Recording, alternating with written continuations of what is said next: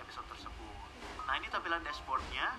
Kalau kalian klik salah satu podcastnya, kalian bisa lihat detailsnya, descriptionnya, terus ada